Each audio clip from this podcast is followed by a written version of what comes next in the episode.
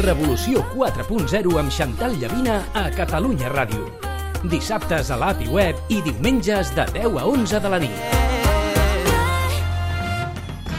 Quan estàs dissenyat per a no perdre cap oportunitat, tot el que es presenti encaixa amb els teus plans. Nou Toyota Yaris Cross Electric Hybrid, el nou referent dels suburbans, dissenyat per a tot el que et proposis. Toyota, liderant el canvi. T'esperem al nostre centre oficial Toyota Teams Motor al carrer París 70 de Barcelona. Albert Einstein. Revolució 4.0 a Catalunya Ràdio amb Xantal Llavina.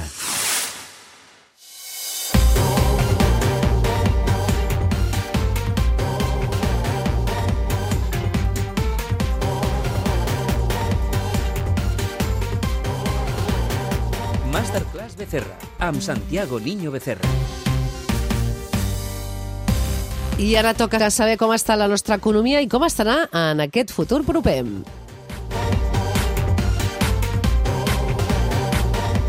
Bona nit, Santiago Niño de Cerra, què tal? Com estàs? Chantal, bona nit, què tal? Bé, bé. A, a punt de celebrar el Nadal i tots ens hem trobat amb una realitat. Els preus dels aliments segueixen l'escalada. Fa uns dies vam saber les dades de novembre, un 15% de mitjana, i pel que hem comprovat eh, aquest desembre, això seguirà així, no, Santiago?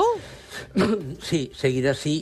De fet, eh, els aliments ja s'ha dit, mm, ja s'ha dit, eh, que continuaran a preu elevat mm, també a l'any 2025, ai, 2024, eh, l'any- el, el proper any. Eh, per què? Bueno, perquè es traslladarà als costos de fabricació dels aliments, als increments de, als increments de costos que han tingut les fàbriques aquest any i que no han traslladat, no han traslladat encara. Eh, a veure, de moment eh, el preu dels aliments, el preu mig dels aliments ha crescut un 15%.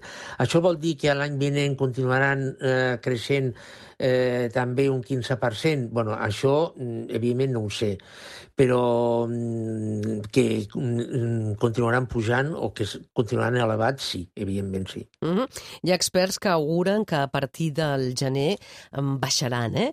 Què, què creus? Alguns altres experts diuen que baixarien, sí? Els preus, mm, els preus en general, sí. Eh, sobretot aquests preus que depenen més del tema energia. Però els preus dels aliments mm, sembla ser que baixaran poc, eh? Mm -hmm. Baixaran poc. Bé, veurem també quina és aquesta despesa de Nadal, veurem com s'acaba aquest 2022 i per ser a finals d'any farem un altre, un altre programa on parlarem de quines seran també les notícies econòmiques del 2023.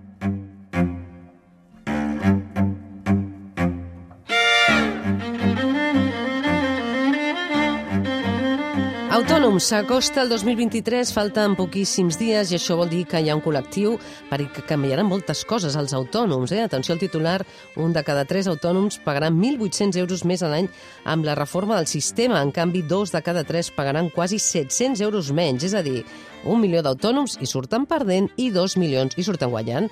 Amb quina de les dues dades et quedes, no?, amb aquest canvi a la cotització dels autònoms? Sí, però és que, Chantal, eh, eh, mm, és que, però és que la, la, la història completa mm, continua. És a dir, eh, el, que tu, el que tu has dit és el que diu la llei, i és cert, eh, això, això és com funciona. El que passa és que mm, s'establiran declaracions eh, simulades eh, en base de, de liquidació de la Seguretat Social en base a dades que eh, aporti a Hisenda. Eh, I a l'any següent eh, es tindrà de fer un més o un menys en funció de eh, els ingressos que ha tingut a l'autònom en, en, en qüestió. És a dir, eh, un autònom mm, paga, m'ho invento, eh, per mm, 40.000 euros a l'any de guany mm, en funció d'aquesta quantitat.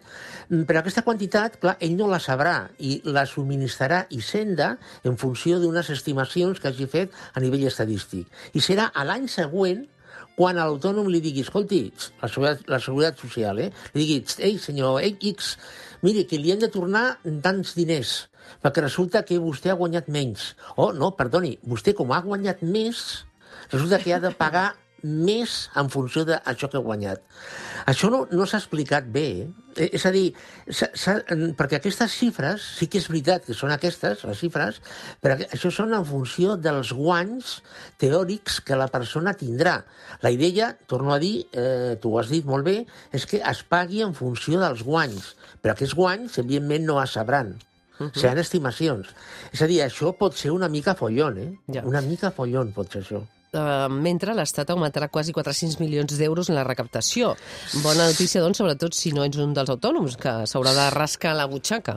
Sí, però també aquesta xifra, Chantal, és eh, temporal. És a dir, un any poden ser 400 o 500, però l'any vinent, si els autònoms han guanyat menys del que se'ls va cobrar, tindran de, eh, a l'Estat, a la Seguretat Social en aquest cas, tindrà de retornar aquests diners. O sigui que eh, és una cosa, no sé, molt estranya, eh? eh que, que evidentment, eh, perquè funcioni, tota l'aparell estadístic eh, i d'informació que s'ha de muntar ha de funcionar com un rellotge suís, és a dir, ha de funcionar mm, clavau, eh? perquè si no mm, hi haurà problemes. Eh? L'altra pregunta eh, que també em faig, que algú li diguin que s'ha de gastar 1.800 euros més amb els mateixos ingressos, és sostenible per a moltes economies familiars? Eh, economies familiars d'autònoms, em pregunto? No, no, evidentment no. Uh -huh. Evident, tu, de tota, o sigui, tu pensa, Chantal, que hi ha, un, hi ha autònoms, perquè, clar, evidentment, molta gent, quan pensa en autònoms, eh, pensa en un advocat que té un despatx al Passeig de Gràcia i tal. Home, evidentment, aquest, és, aquest senyor és un autònom, eh, per descomptat. Uh -huh. Però una, una, hi ha molts autònoms, però molts autònoms, que eh, estan tenint eh, ingressos equivalents a un salari baix. És, és, és molt curiós perquè amb un, no, no, em, sembla, em sembla que va ser amb una, amb una publicació oficial del Ministeri d'Hisenda no, o de la Seguretat Social, no, no, no, no facis molt de cas, que posava com a exemple eh, un autònom que tingués uns ingressos de 900 euros mensuals. Uh -huh. És a dir, això és un autònom. Clar. Eh, el, el, un autònom que posava, que posava la, la publicació oficial d'exemple.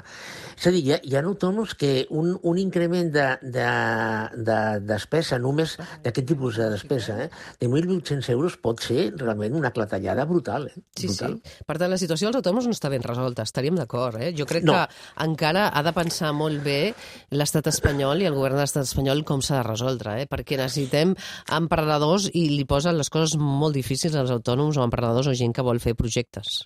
Sí, és que el que passa, Chantal, és que, eh, torno a dir, eh, la, la idea de l'autònom és una idea, d'un, la idea que es té és una, idea, una persona eh, que treballa per la seva compte, li va molt bé i, i, i, i fa moltes coses, però mm, en realitat molts autònoms són assalariats. Són assalariats que, la, que li, els han dit, miri, jo, jo no el vull tenir aquí a l'empresa. Eh, vostè eh, son- es dona d'alta i jo ja li mm, passaré treballs i vostè em factura.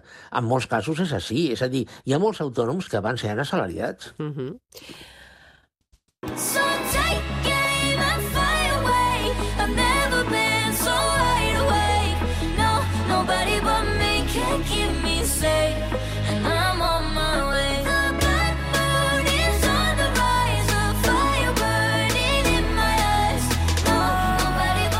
Per cert, que Amancio Ortega és actualitat per dues notícies. Inditex, que ara dirigeix la seva filla, torna a batre rècords de vendes.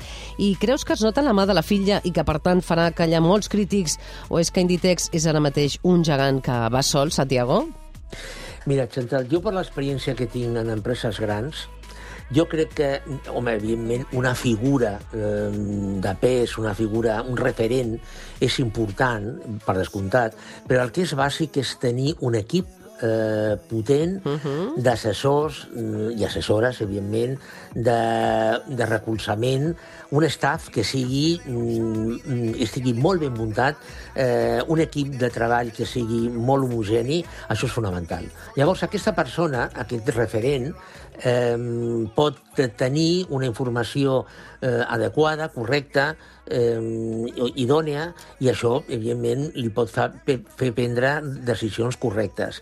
Mm, Una, si, una, si posem el, el CEO més boníssim del món i l'equip que té a darrere no funciona, mm, i, I, per altra banda, una empresa no va sola, eh? Uh -huh. És a dir, mm, mm, abans sí, eh, podíem dir que un monopoli eh, podia anar sol, eh, i més un monopoli en un país tancat, no? Per exemple, recordem la famosa CAMSA, Espanya, o Telefònica, no?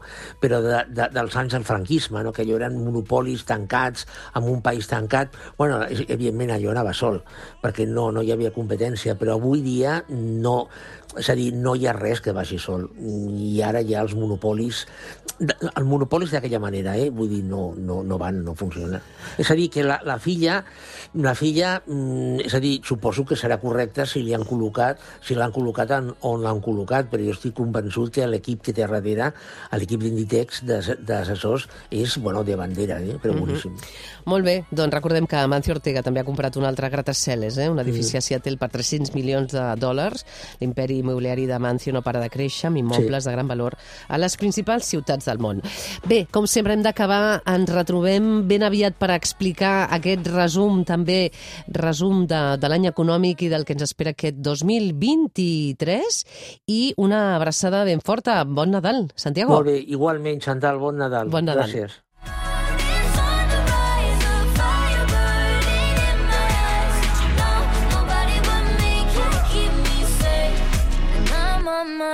Bye.